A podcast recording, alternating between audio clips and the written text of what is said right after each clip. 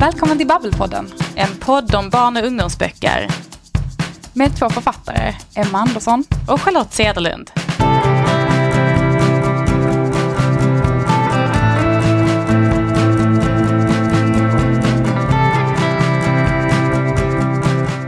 Charlotte, har du någon gång spelat rollspel? Nej, alltså jag har inte det. Jag har många gånger önskat att jag skulle ha gjort det. Därför att nu i vuxen ålder så har jag ju insett mer och mer att det är ju, verkar vara väldigt kul. Och framför allt att det verkar vara en sån fantastisk grogrund för människor som vill eh, skapa fantastik. Men det var något som gick mig helt förbi när jag var liten. Eh, trots att jag var stor fantasyälskare. Så att, nej. Aldrig spelat. Har du spelat? Nej men jag känner igen mig i det du säger för att jag känner att jag har typ haft exakt samma upplevelse. Det känns som att jag växte upp helt utan nördkompisar så det var aldrig någon som drog in mig i det här. Jag har ju typ aldrig spelat men ändå så här, kan man säga upptäckt rollspel mer som vuxen om man säger så. Jag, alltså första gången jag kom i kontakt med det var med eh, Petri serie, De dödas röster, när Sara mm. Bergmark Elfgren skrev en, eh, en serie där.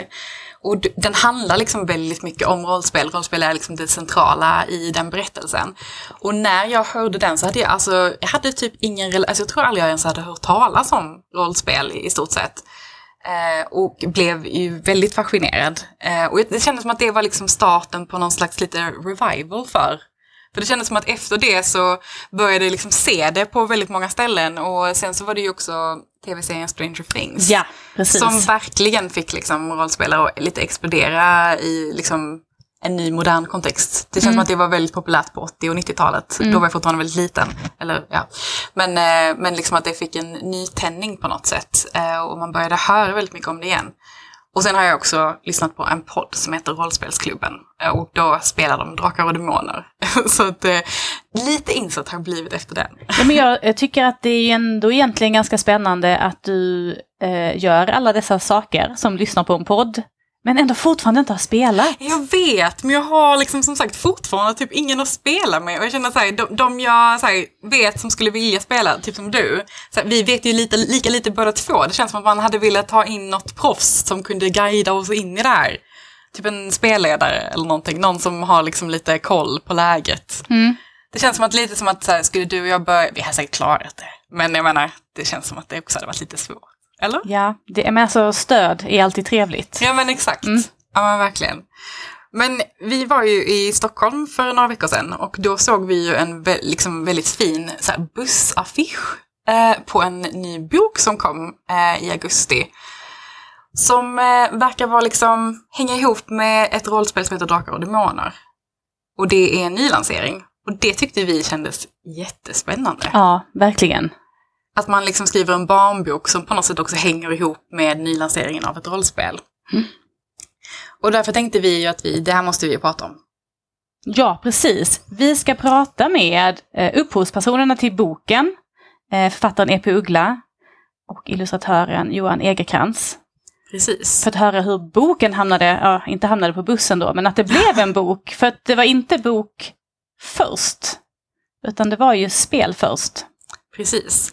Men vi tänker också att det är säkert ganska många av er som sitter och lyssnar som inte har så bra koll på det här med rollspel och vad det är för någonting och hur man gör.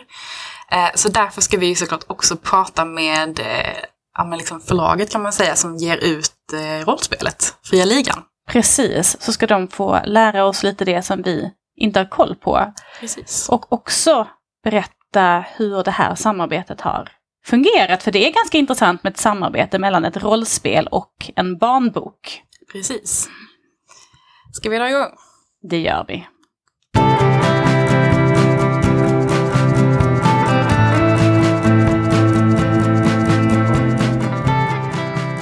Hej Thomas! Välkommen till Babbelpodden.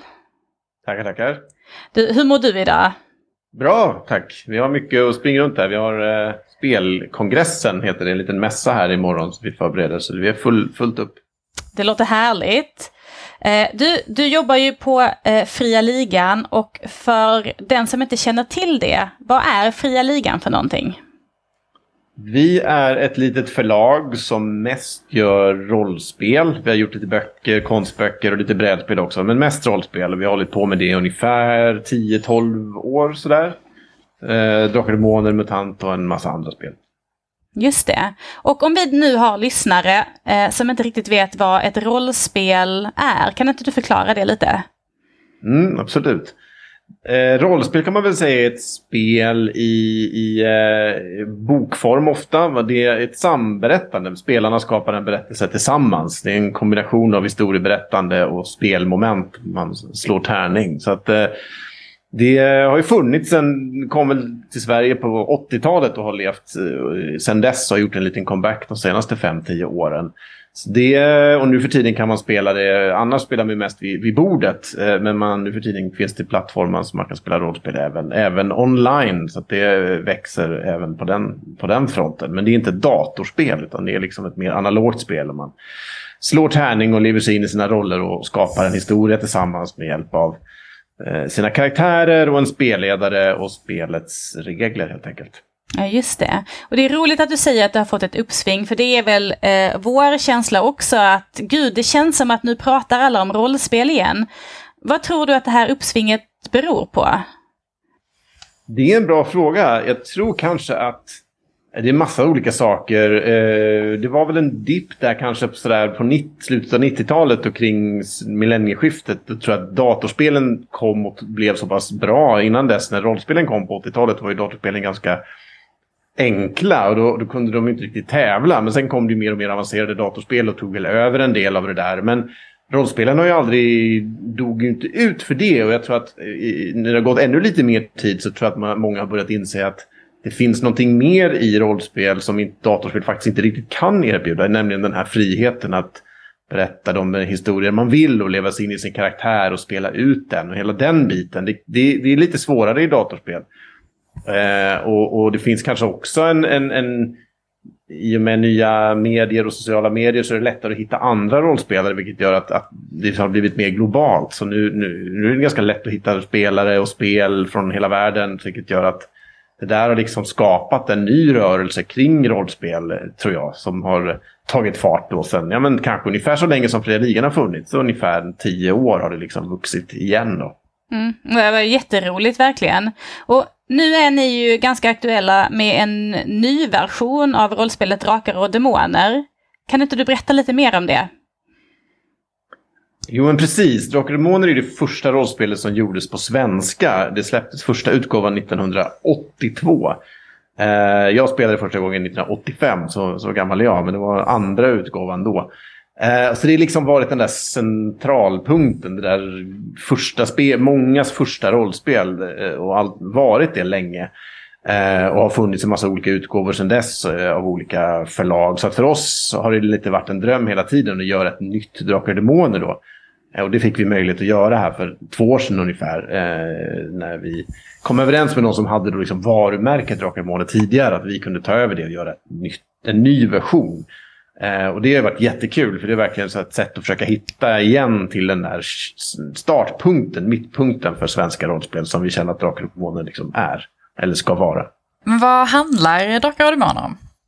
Drakar och Demoner är ett, ska man säga, ett ganska brett stort eh, fantasyspel. Så det är liksom fantasy i, i liksom Tolkien-tradition med alver och dvärgar och hobbitar och, och liksom en slags pseudomedeltid med magi och, och, och drakar och, och fantastiska varelser av olika slag och äventyr. Det är ju samma tradition som det stora amerikanska rollspelet Dungeons and Dragons. Men det är alltså inte samma sak. Det är ett helt annat spel. Det är bara namnen som är, är lite lika. Eh, men det är ett spel i den traditionen. Och inom det är det ett ganska brett spel. Vilket innebär att man kan spela massor av äventyr som kan handla om väldigt olika saker. Det, det mest klassiska det mest här, är väl att man ger sig ut en liten grupp äventyrare som, som går ner i någon eh, mörk, hemsk grotta och möter olika faror och monster och hittar skatter och försöker ta sig ut levande. Det är väl liksom grundtypiska klassiska grundäventyret. Men det är ju bara en, en variant. Eh, rollspelsäventyr kan handla om nästan vad som helst. Ja, just det. Och det är där man har möjlighet att påverka själv när man spelar helt enkelt. Verkligen. Just det. Eh, nu är det ju så att eh, Bonnier Carlsen också har eh, släppt en barnbok om Drakar och Demoner som släpptes samtidigt som eh, spelet släpptes och som ju har Johan Egerkrans illustrationer som också finns i rollspelet. Hur, hur blev det här samarbetet av? Ja, det är ju jättekul eh, förstås. Eh, jag minns inte riktigt hur det började. Jag tror att det var de som hörde av sig till oss, tror jag. Eh, om jag inte minns fel, men jag tror det.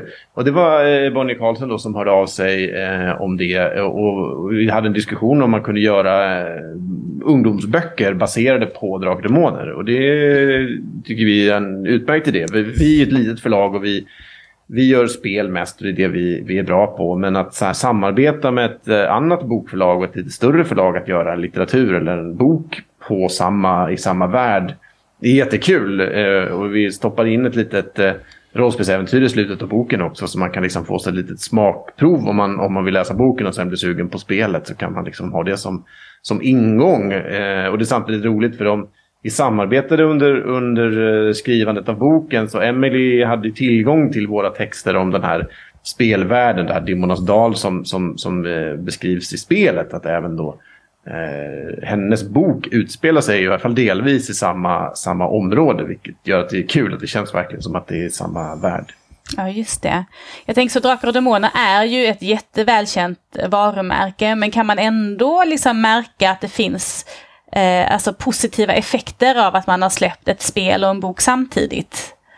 Ja, det tror jag. Det är alldeles svårt att mäta sånt där. Men det är, det, det är verkligen det som är meningen. Och det tror jag definitivt. För jag menar, även om Drakar är känt av många så, så det är inte alla som spelar rollspel och inte, varför inte gör det längre. Och då är det här liksom ett enkelt sätt att närma sig den världen och, och, och, och, kanske nosa på det där. Om man är nyfiken på det så kan man börja med att läsa boken och sen om, därifrån kan man kanske ta steget in i spelet om man vill. Ja, just det. Eh, och du sa ju här själv att boken är skriven av Emily E.P. Uggla och illustrerad av Johan Egerkrantz då. Och vi kommer snart att prata med dem. Men vi såg också att ett av rollspelsäventyren i spelet är skrivet av författaren Niklas Natt och Dag. Eh, hur kom det sig att det blev så? Ja, det är också väldigt kul. Eh, det kom sig av, det börjar med egentligen att de här äventyren i spelet så har vi med en bok med äventyr. Elva olika äventyr av olika skribenter. För vi ville verkligen att Drakdemoner skulle ha mycket äventyr i själva grundspelet.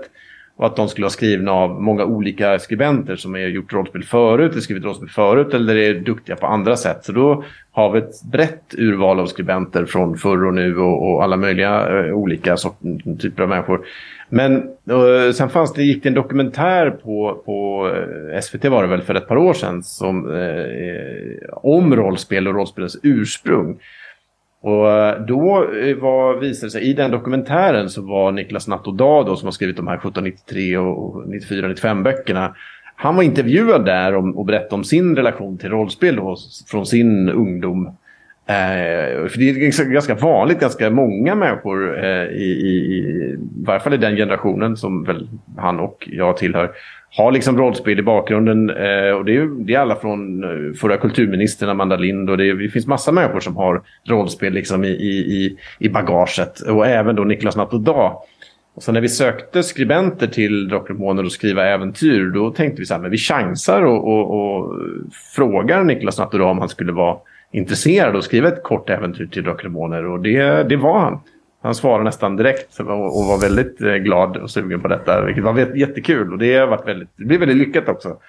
Och vi sågs här nyligen på, på Bokmässan och pratade och det känns som att han har tyckt att det var en kul upplevelse och en annan sorts skrivande än vad han gör i vanliga fall. Men, men roligt liksom. Så det var ett jättelyckat eh, lyckat samarbete. Just det. Men jag tänker alla de här samarbetena som ni har haft nu med, med Niklas och med Bonnie Karlsson och boken och att det känns, i alla fall för någon som står utifrån, att ni har gått ut och liksom börjat jobba ganska brett med det här spelet. Är det ett sätt som ni hade kunnat tänka er att jobba även framöver med andra rollspel? Ja, men kanske. Jag tror för oss, vi har ju rollspel eh, på svenska och engelska men börjar mest på, börjar på svenska i, i, jag tror vårt första spel vi gav ut kom ut 2012. Så det är ett tag sedan. Eh, men det här var nog första gången vi gick ut så brett som, som eh, mot tidigare gånger. Rollspel är ju lite av en nischgrej annars. Eh, men vi försöker, vi vill gärna bredda det så att fler får, får ta del av det. Och då kände vi att Drakar och Demoner är liksom det perfekta spelet för det. Det är liksom det som flest kanske känner igen. Det är liksom ett klassiskt fantasyspel, det är ganska lätt att komma igång med. Vi har också skrivit spelet för att det ska vara enkelt att börja spela. Eh, så det här kände vi att här satsade vi ganska brett. Eh, och försöka liksom nå ut ganska brett med, med olika samarbeten och även lite sådär Ja, men vi tyckte det var roligt. Vi här, hade stora reklamskyltar i tunnelbanan i Stockholm, vilket var kul att se. Jag vet inte vad det gav för effekt. Men det är roligt liksom, bara för att det ska syn, få synas lite. Så vi får väl se. Det är inte självklart att vi gör det med, med alla spel eh, framåt. Men, men eh, vi vill ju gärna att rollspel spel eh, ska eh, fortsätta växa och bli ännu mer liksom sådär allmänt accepterat. Vi brukar säga det så här att det känns som att Drakar och Demoner är ett sånt där spel som, som bör finnas i varje hem nästan. Lite som Monopol eller Fia med knuff så borde det ligga ett Drakar och Demoner där också. Det tycker vi. Ja, just det. Men, men tycker du att, ser liksom rollspelsframtiden ljus ut eller vad, hur känns det? Det tycker jag. Alltså, vi får väl se vad som händer, det vet man ju aldrig. Men, men eh, för vår del, så vitt vi kan bedöma så, så, och se, så känns det verkligen som att det växer. Eh, både i Sverige eh, och utomlands. Vi har ju spel på, på engelska då, så, vi, som, så då är vi en del i England och USA. Och så ges flera av våra spel ut även på tyska och franska och italienska och spanska och så. Men då är det lokala förlag som översätter och ger ut dem. Då ger vi inte ut dem själva så att säga. Men allt det där sammantaget gör ändå att det känns som att det är en växande, växande hobby. Verkligen. Just det. Det låter, det låter väldigt positivt och det sista vi egentligen vill veta nu är ju bara om, är det så att ni har några andra spelnyheter som vi borde få koll på? Ja, alltså vi gör ju massa roliga saker. Vi gör eh, Eh, ett rollspel baserat på Sagan om ringen-böckerna. Det är på engelska då, heter The One Ring. Så det gör vi ju grejer till. Så vi kommer ha ny, snart komma med en bok om Moria till det till exempel. Så det jobbar vi också mycket med. Och så har vi spel i en massa andra världar. Science fiction och, och, och skräckspel. Vi har ett spel som heter Nordiska väsen som är baserat på en Anna Johan Egerkrans eh, konstböcker som också heter Nordiska väsen. Det har vi gjort som ett skräckspel baserat på nordisk folktro. Och det kommer det också mer saker till. Eh, och sådär. Så vi har nya saker på gång hela tiden. Gud vad roligt. Jag känner att jag behöver ta och grotta in mig mer i rollspel och vad som finns och hur man ens gör för att spela. Men tack ja. så jättemycket Thomas för att du ville vara med i vår podd idag. Tack så mycket.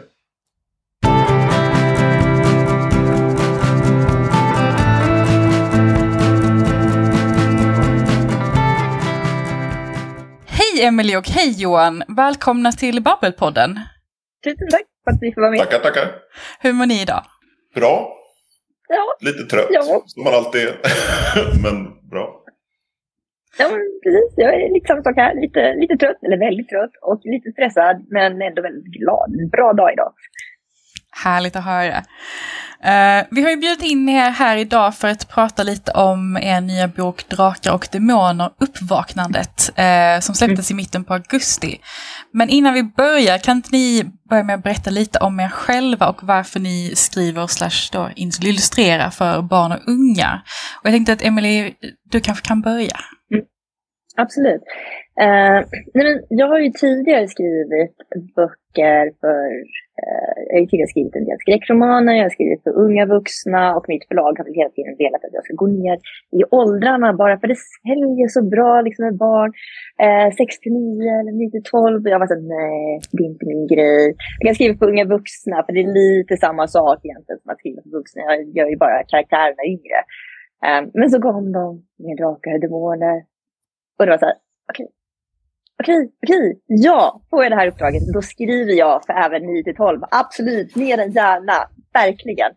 Um, sen har det ju varit lite speciellt, för de la ju till jätteraskt efter att de sa att det skulle vara en bok för 9 till 12-åringar. Det skulle vara ganska bra om den kunde läsas av vuxna också.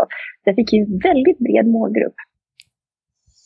Det förstår jag och vi kommer komma in mer på det tänker jag. Men vi eh, mm. går tillbaka till dig Johan. Hur, hur, ser din bakgrund ut? Hur hamnade du liksom i, i eh, men att, att liksom med böcker för, för den här målgruppen, barn och unga? Um, ja, men det är ju på grund av rollspel på ett sätt. Jag, jag började ju min illustrationsbana som rollspelsillustratör typ. Um, för jättelänge sedan med, med när jag träffade några kompisar som startade ett rollspelsbolag, bröt sig ur äventyrsspel Eh, och, eh, så det var väl 98 eller något sånt där. Gjorde jag, illustrerade mitt första rollspel. Och sen, har jag jobb, sen jobbade jag jättelänge som koncepttecknare och sådär. Och det illustrerade rollspel och sånt där också. Eh, och sen började jag göra barnböcker. Så jag, min första bok var ju en barnbok. Alltså liksom bilderbok. För, ja vad är det? Vad räknar man det? Fyra till? Ja, jag vet inte. Bara liksom så jag, och sen, har jag, och sen jobbade jag som barnboksillustratör i väldigt många år. Så jag har ju definitivt, det har ju varit min, mitt fokus, har ju varit barnböcker.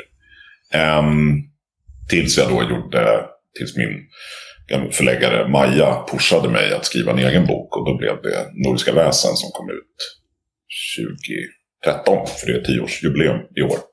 Um, som ju är nominellt med lite samma grej. Att det är så här, ja, 9 till 12 men också 10 till 100 i målgrupp. Liksom att den, det är också en bok som passar alla och som egentligen är lite mer avancerad än, än 9-12-gruppen. Um, ehm, men, och den i sin tur var inspirerad av typ monsterböckerna till Drakar och Demoner. Och sen så fick jag illustrera Drakar och Demoner. Så att cirkeln är ju sluten. Plus att Nordiska väsen har blivit ett rollspel också så, av Fria Ligan som gjort Drakar och Demoner.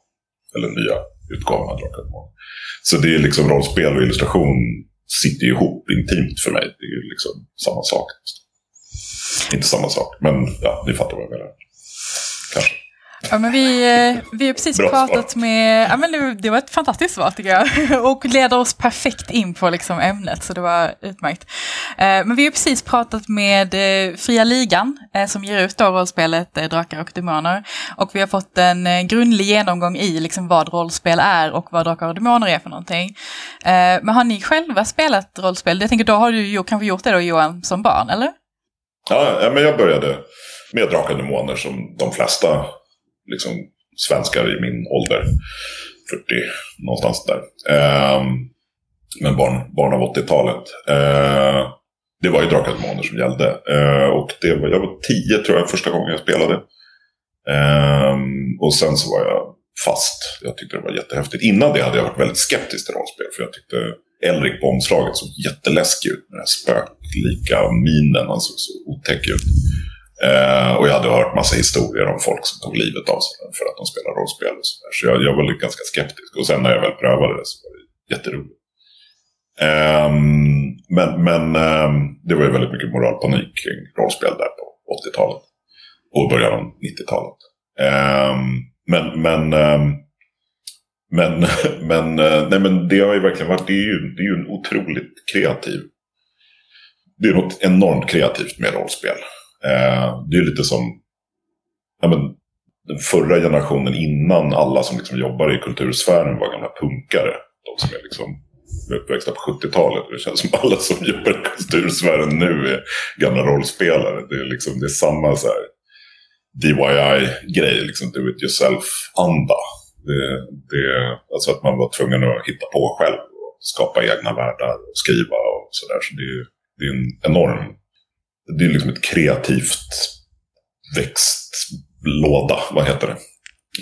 Ja, det är, det är liksom som en grogrund för kreativitet. Verkligen.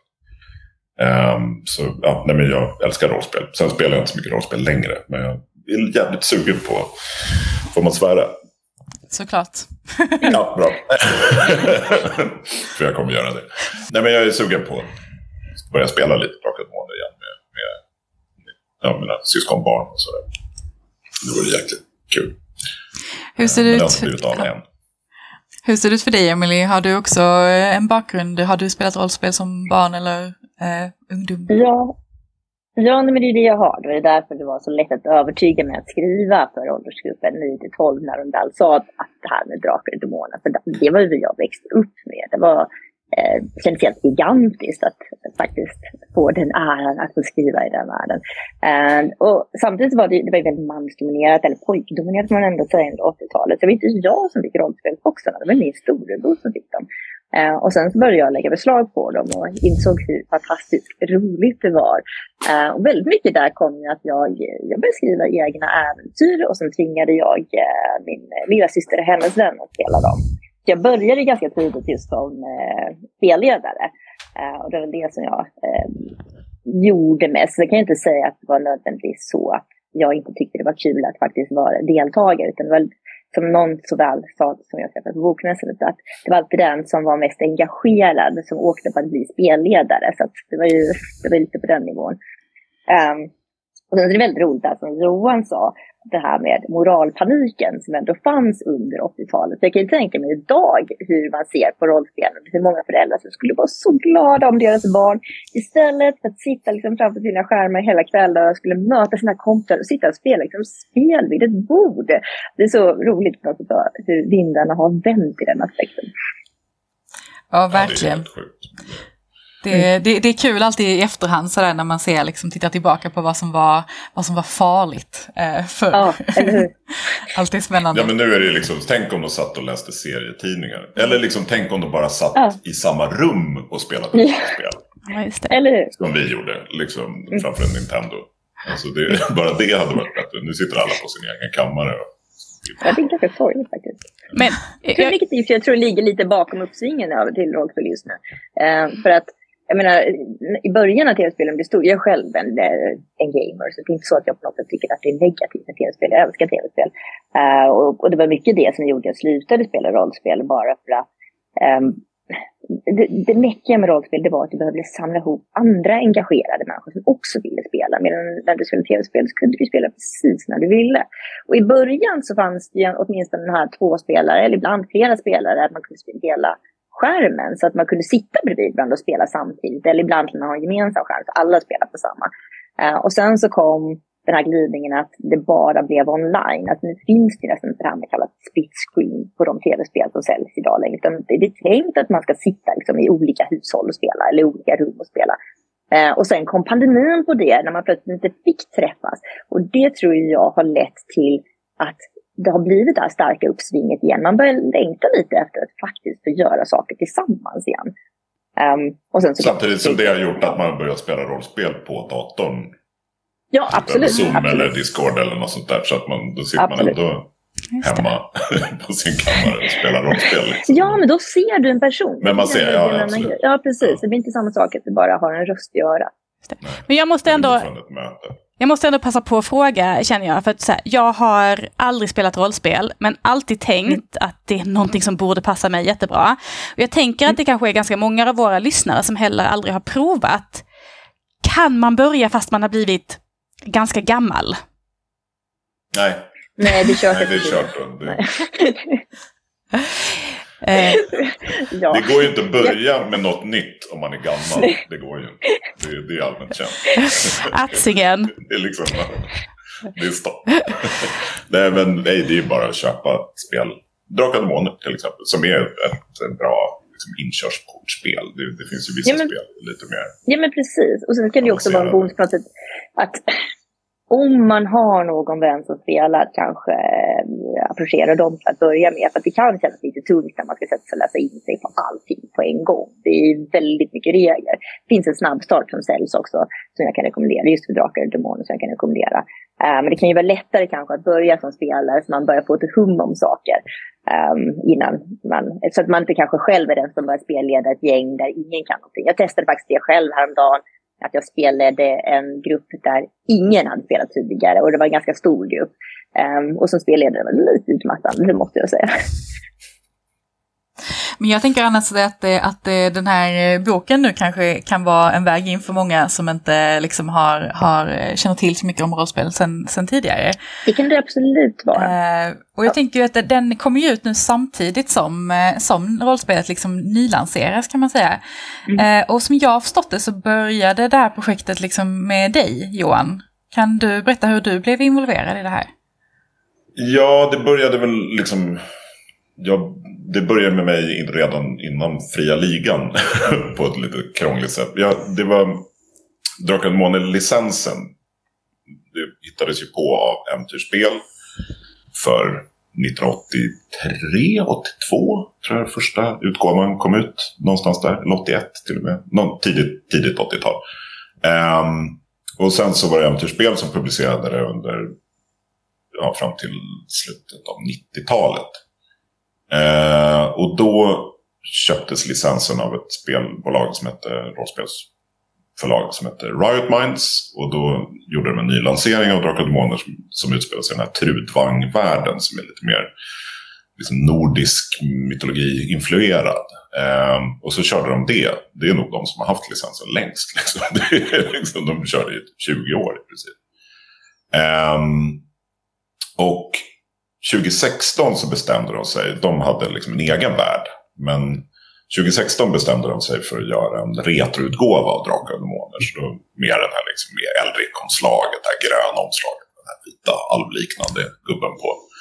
Ehm, och eh, ja, men det var liksom klassiska loggan och liksom en klassisk svart låda igen. Så, och då valde de mig som illustratör för den, för de gillade min jag menar att jag har någon slags gammaldags sagostämning i mina illustrationer. Så jag illustrerade den utgåvan.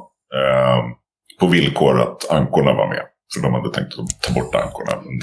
det, det, det, det, var, det, var, det var mitt krav att de skulle vara med, annars vägrade jag göra det.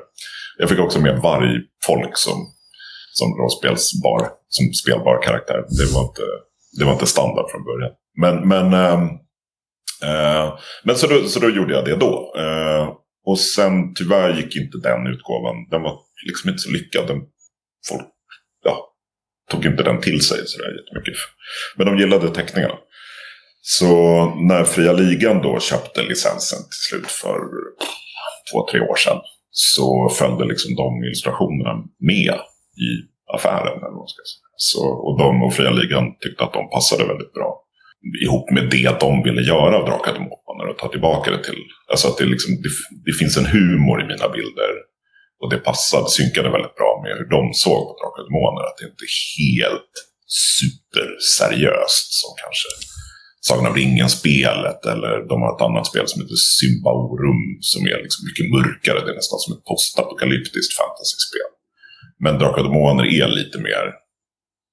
På, på engelska är taglinen de har ju släppt det på engelska så heter det Dragonbane. Men undertiteln är Mirth and Mayhem Roleplaying. Så det är lite så här, skjuta och hålla i hatten rollspel på något sätt. Att det är, det är liksom äventyr och bara tjoff och så händer det lite knasiga grejer och det finns ankor. Och det, det är liksom inte...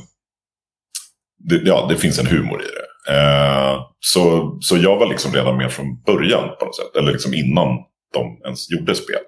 Eh, och sen har jag då såklart eh, bidragit med nya illustrationer till, till, till den nya utgåvan. Um, så, men, men ja, det är liksom min, min story i den här. För den som inte har liksom koll på rollspel, vad är det man illustrerar till ett rollspel? Um, ja, men som alla böcker behövs det illustrationer. Eller i och för sig, alla böcker behöver inte illustrationer. Men, men, men just rollspel är väl, det handlar ju om att visualisera en ny värld. Och då är illustrationer ganska viktigt för att man ska förstå hur den världen ser ut.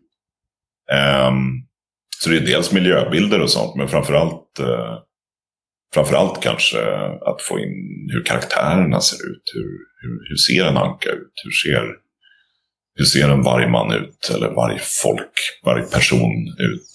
Uh, massa karaktärer som dyker upp i de här äventyren. De vill man gärna ha, att spelledaren kan visa. Men så här ser Grimlock Ruggelsson ut. Och så har man en bild på den. Eller så här ser Siratia, eh, den onda häxan, ut. Och så kan man visa den bilden. Um, för annars blir det lätt uh, så abstrakt. en bild säger mer än tusen ord. Och det är ganska bra att ha lite illustration.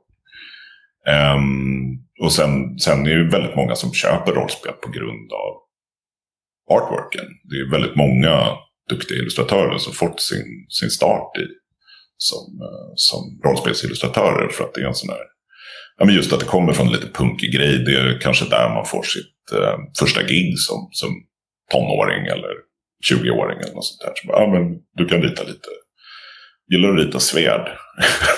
kan du rita lite svärd till, till, till det här spelet. Så det är många som, ja, som jag, Peter Berting och Anton Vitus som vi har tagit in nu som illustrerar till Drakar och Måner. Uh, eh, det, det är jättemånga som har fått sin break som, som illustratörer. Eller Tony Di Terlezzi, så han som gjort Spiderwick-böckerna, han började ju illustrera Dungeons and Dragons till exempel. Så det är, det är väldigt många duktiga illustratörer som kommer från den världen. Så, det, här, ja. det här är ju liksom ett spel som sagt då som nylanseras. Hur stor frihet har du haft liksom när du har fått jobba med bilderna? Har du liksom tittat väldigt mycket på de gamla bilderna eller liksom försökt liksom, eh, göra din egen grej utifrån utan att influeras för mycket av det gamla? Eller hur har du tänkt kring det? Um, jag har försökt, jag tittar väldigt mycket, alla älskade ju Nisse Gulliksson som illustrerade de, de tidiga utgåvorna av Drakar och Demoner. Eh, och jag har försökt ha lite samma...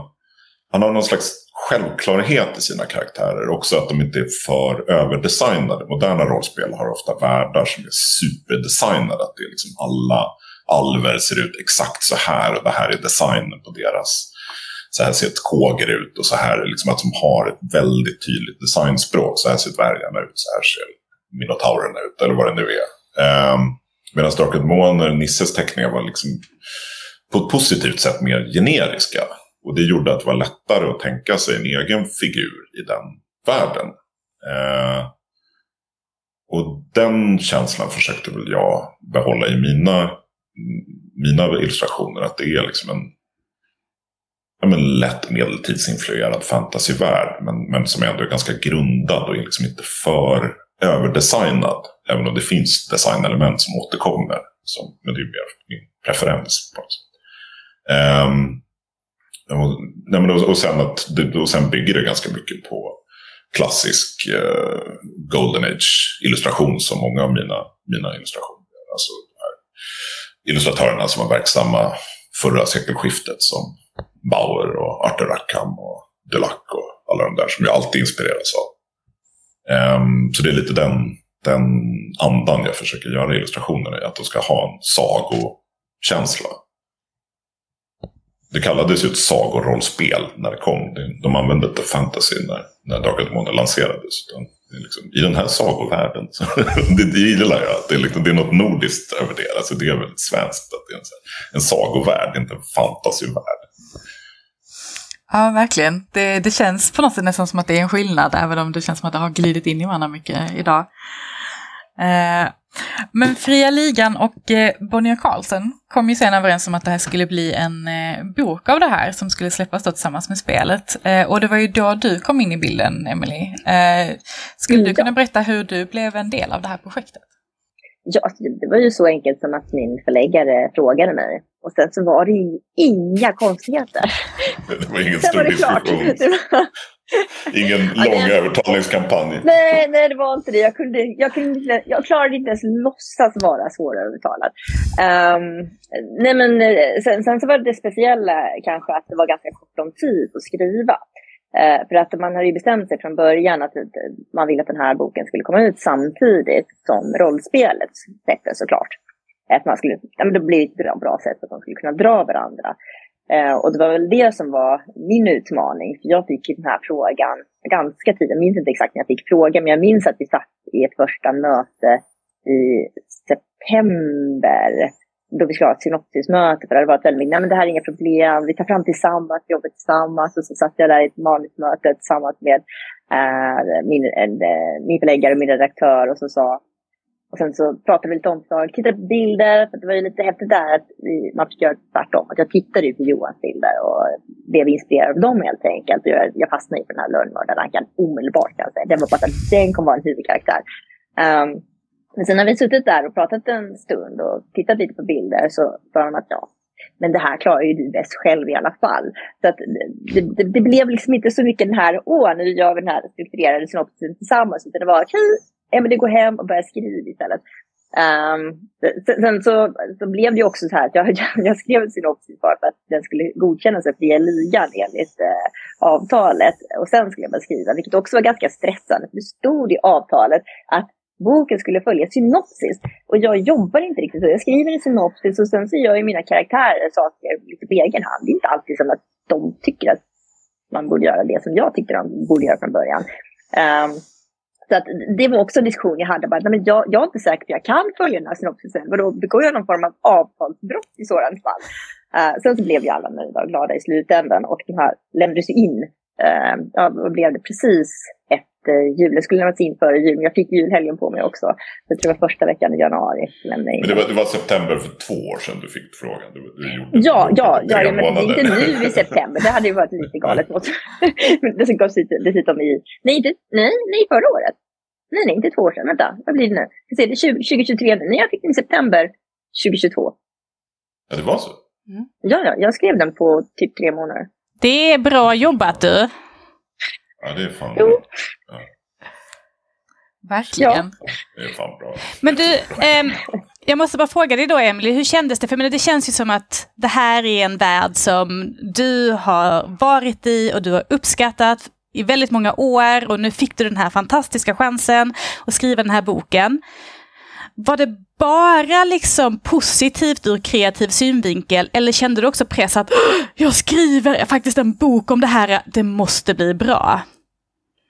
Ja, alltså väldigt mycket ångest. Först var det bara entusiasm. Åh, oh, det här är så fantastiskt. Åh, oh, jag känner mig som en rockstjärna. Um, och, och, sen så kom ju den här ångesten krypande kan jag säga.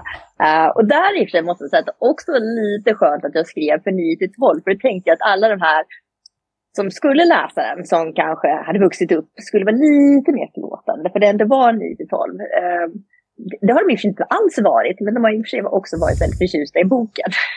Eh, men ja, det kändes ju som att man eh, hade väldigt stort ansvar. Och det var, det var inte bara mot de som hade växt upp, utan det handlar ju också om att jag, mitt syfte med boken är egentligen att unga ska upptäcka den här världen de också.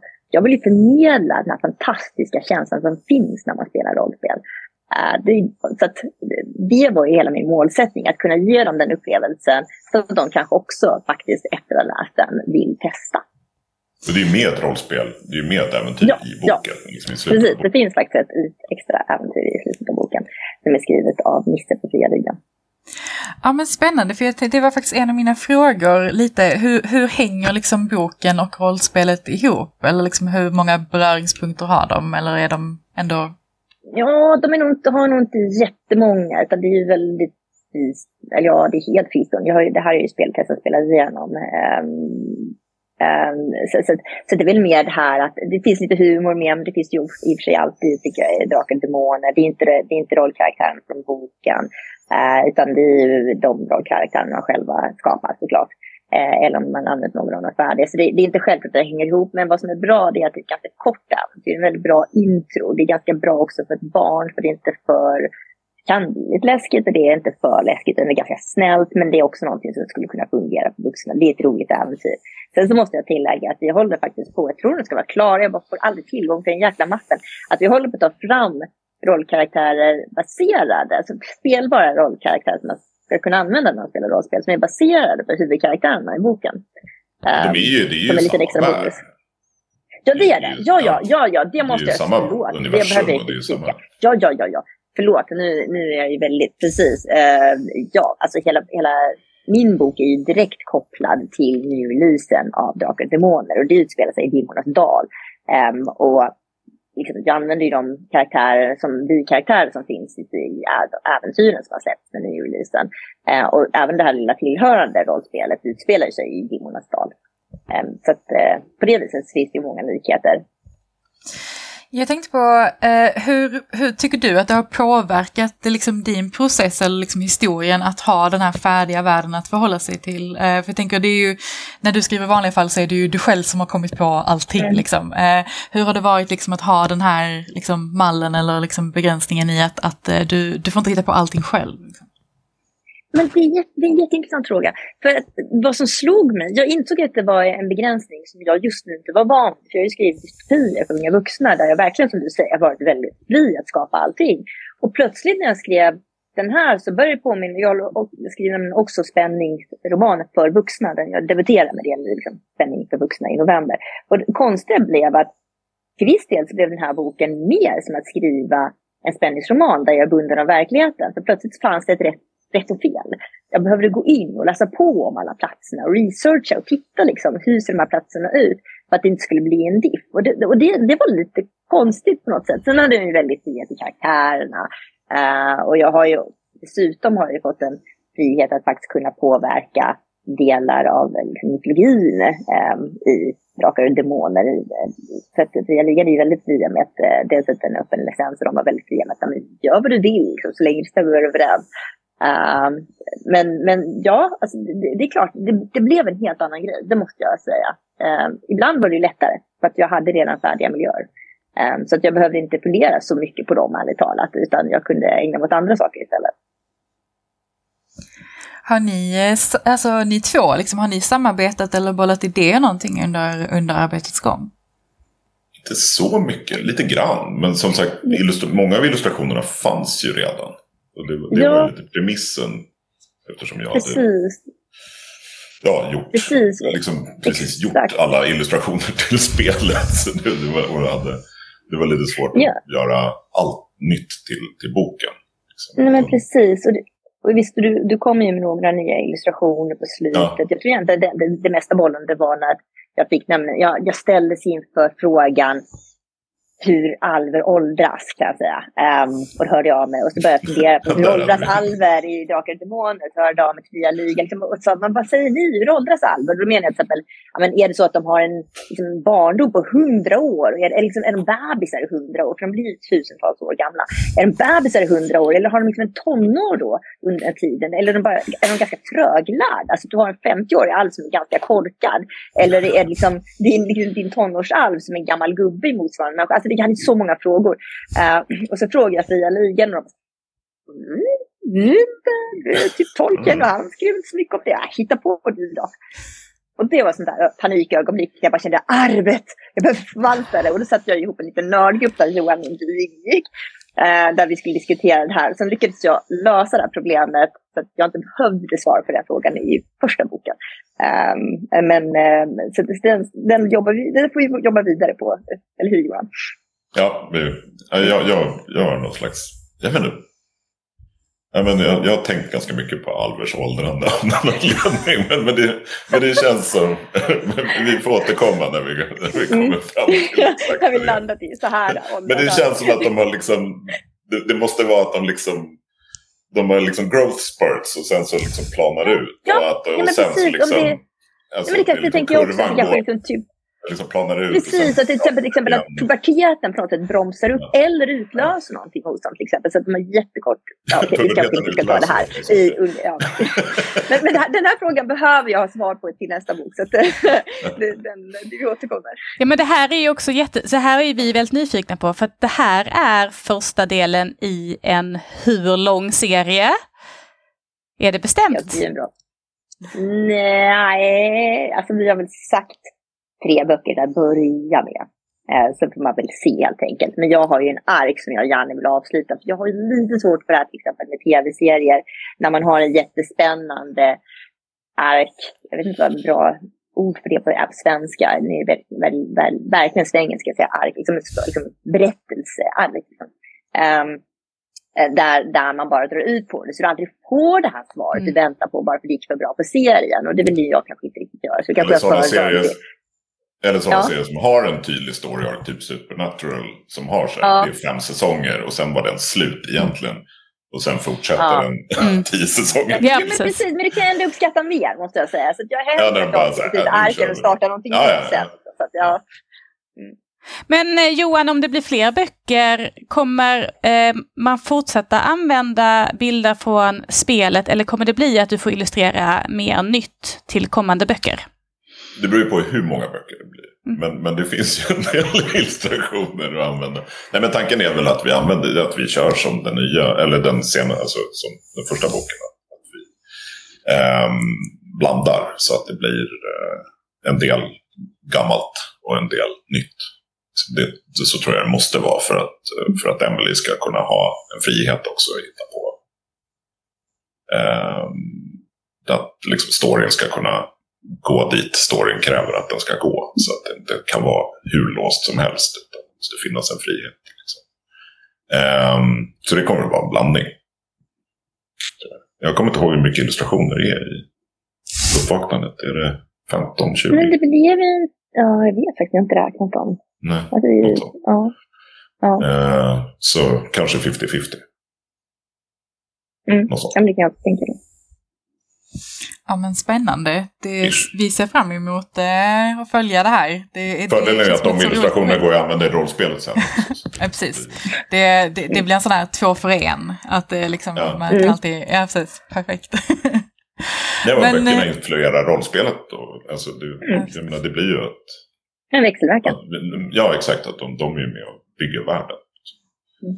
Den nya hoppas... världen. Så för, för Fria Ligan har hittat på en ny värld till den nya mm. utgåvan av så, som är ganska allmänt hållen. Så det, det finns väldigt mm. mycket att undersöka i den. Det är väl tanken också att den ska vara väldigt fri och öppen. Inte så styrd som...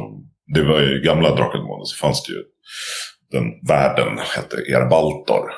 Eh, och den kom ju som en ny nyutgåva av, det är väl Helmgast som ger ut den tror jag. Som ett, mm. ett annat rollspelsbolag då. Eh, men Fria Ligan köper den liksom Ja, det är liksom en, en diffus värld, men där, där drakar och demoner har en väldigt stor... Eh, eh, vad ska man säga? De, de, är väldigt fundamentala för världsbeskrivningen. Vilket de inte var i den gamla världen. På det sättet det var mer saker som fanns. Men här är det liksom, det handlar om en kamp mellan drakar och demoner. Så drakarna är ordning och demonerna är kaos. Och sen är det liksom mm. människorna och de andra varelserna är liksom fast mittemellan där på något sätt. de liksom slits mellan de här ytterligheterna. Vi hoppas ju att en, eh, att en ny generation kommer upptäcka det här nu i och med, i och med boken och liksom dras in i, i de här världarna. Eh, men... Det gör vi också. Precis. Men, Verkligen. Tack så jättemycket för att ni ville vara med och eh, prata om det här med oss idag. Vi hoppas som sagt att det här kommer vara vägen in till rollspel för många nya spelare. Precis. Kanske även, kanske även de för gamla, vem vet. Ja, tack så jättemycket för att ni var här. Ja, tack för att vi fick vara med. Ja, verkligen. Stort tack.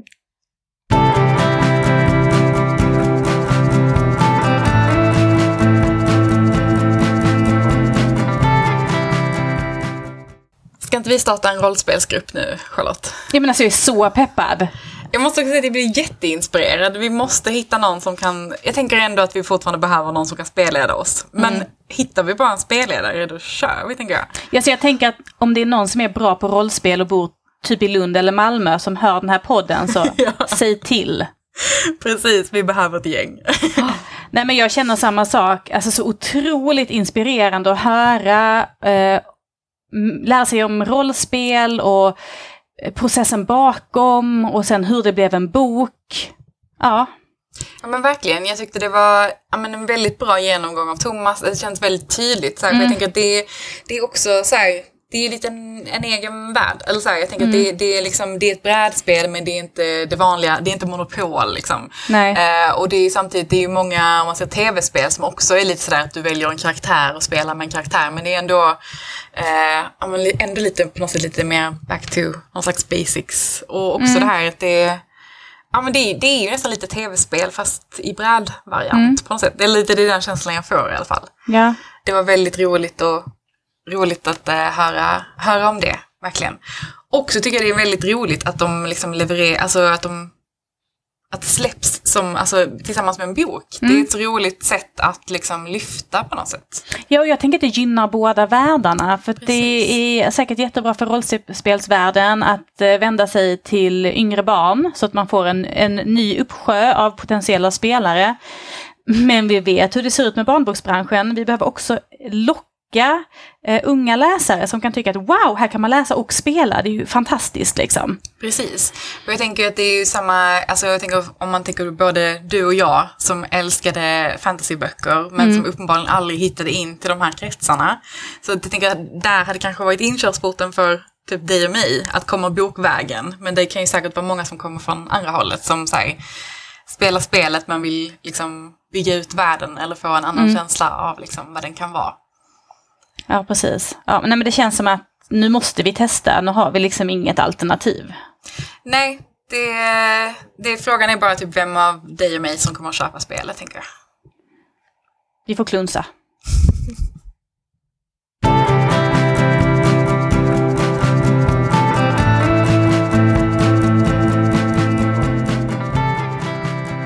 Nu blir det boktips! Charlotte, har du läst något spännande den här veckan? Ja, men alltså vet du vad? Vi har läst en riktig familjefavorit. Eh, därför att Jonna Björnstjärna, som ju faktiskt var vår gäst här i säsongens första avsnitt, hon har kommit ut med en helt ny del i sin serie Sagan om den underbara familjen Kanin. Eh, och den här boken heter Fångarna på slottet och är utgiven då på Bonnier Carlsen och riktar sig till barn i 3 till 6 år. Men kan man väl säga, hemma går den fantastiskt bra för mina barn som snart är 6 och 8. Så det här är en serie som är en riktig favorit hos oss. Eh, vi längtar alla tre efter att en ny del kommer och vi liksom hänger på låset till bokhandeln för att kunna köpa den. Och den här boken gjorde oss inte besvikna alls, utan den är precis lika härlig som de åtta tidigare i serien.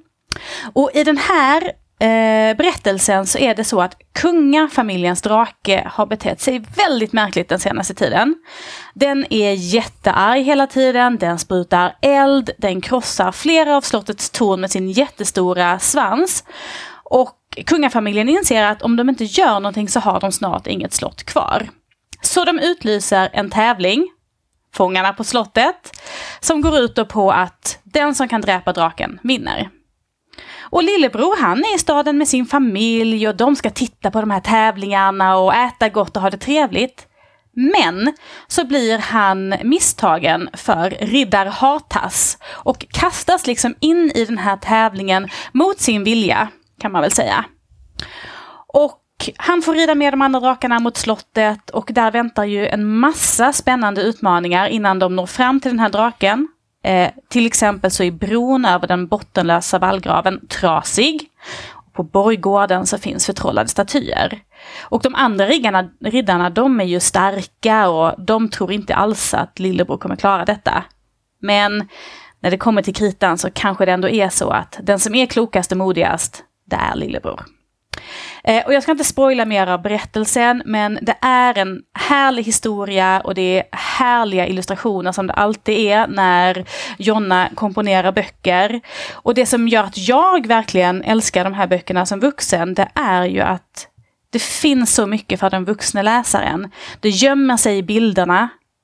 Vi läste den här böcken, boken tre kvällar i rad och jag ser nya saker hela tiden. Men det finns också i texten saker som mina barn inte förstår men som jag kan skratta högt åt och de undrar, men mamma, varför skrattar du? Och det är ju den bästa sortens barnböcker tänker jag. De som passar perfekt både för de små och för de vuxna. Ja men det är som sagt man blir glad bara man ser omslaget på den här boken tycker jag. Eh, vad härligt. Du då Emma, har du läst någonting bra? Jo men det har jag. Eh, jag har läst en lite men, lite spännande, lite läskig bok nästan. Eh, det är en bok som heter Odjuren. Och det är faktiskt en grafisk roman för åldern 9 till 12 år eh, som kom ut på Rebene Sjögren i september. Där Kerstin Lundberg Hahn har skrivit texten och Elisabeth Widmark har illustrerat. Och eh, boken handlar om Annie som följer med sin moster Emma och morbror Harald till deras stuga vid Vindelälven. Men när de är ute och promenerar i skogen så upptäcker de ett eh, kalhygge och att ett stort skogsbolag håller på att avverka skogen. Och det gör Harald väldigt arg, för han bryr sig väldigt mycket om den här platsen, den är väldigt speciell för honom. Eh, men han menar också att man ska vara lite försiktig med att bråka med skogen, för att det finns kanske varelser där som tycker att människor är gäster eh, på sådana här platser och eh, ska inte komma in och förstöra deras hem. Och det här ger Annie väldigt mycket att fundera över. Eh, och helt plötsligt så tycker hon att hon börjar upptäcka tecken på att, men är det inte någon som kanske följer efter dem? Eller hon ser fotsteg när hon går ut till hon ser fotsteg när hon är på väg ut till utedasset. Och Kanske är det så att det finns faktiskt fler väsen i skogen än hon kanske först anat. Mm. Eh, men jag tyckte mycket om den här boken och framförallt så tyckte jag väldigt mycket om hur text och bild samspelar och bär fram den här berättelsen. Jag tycker att eh, Elisabeths bilder bidrar till en väldigt så här, mörk och suggestiv stämning liksom, genom hela berättelsen som gör en men, lite osäker på om det verkligen är verkligt det som Annie upplever eller om det är liksom skogen och det naturliga mörkret i den som liksom jagar igång fantasin. Eh, och det är samtidigt också en väldigt lättläst bok. Den gick mycket fortare att läsa än vad jag trodde, för den är ändå lite tjock. Liksom. Men eh, ja, man bara, den flög igenom den helt enkelt. Och jag rekommenderar den till alla som vill ha lite spännande läsning nu när liksom höst och vintermörker eh, kryper lite närmare och man inte alltid vet vad som gömmer sig i skuggorna kanske. Oh, ja det låter verkligen som spännande läsning. Ja men det tycker jag absolut. Det här var allt för oss idag. Eh, vill ni höra av er till oss, kanske skicka ett meddelande eller skriva en kommentar eller någonting så vet ni hur man gör det vid det här laget. Vi blir bara alltid jätteglada att höra ifrån er. Men eh, ni får ha det så bra. Hej hej!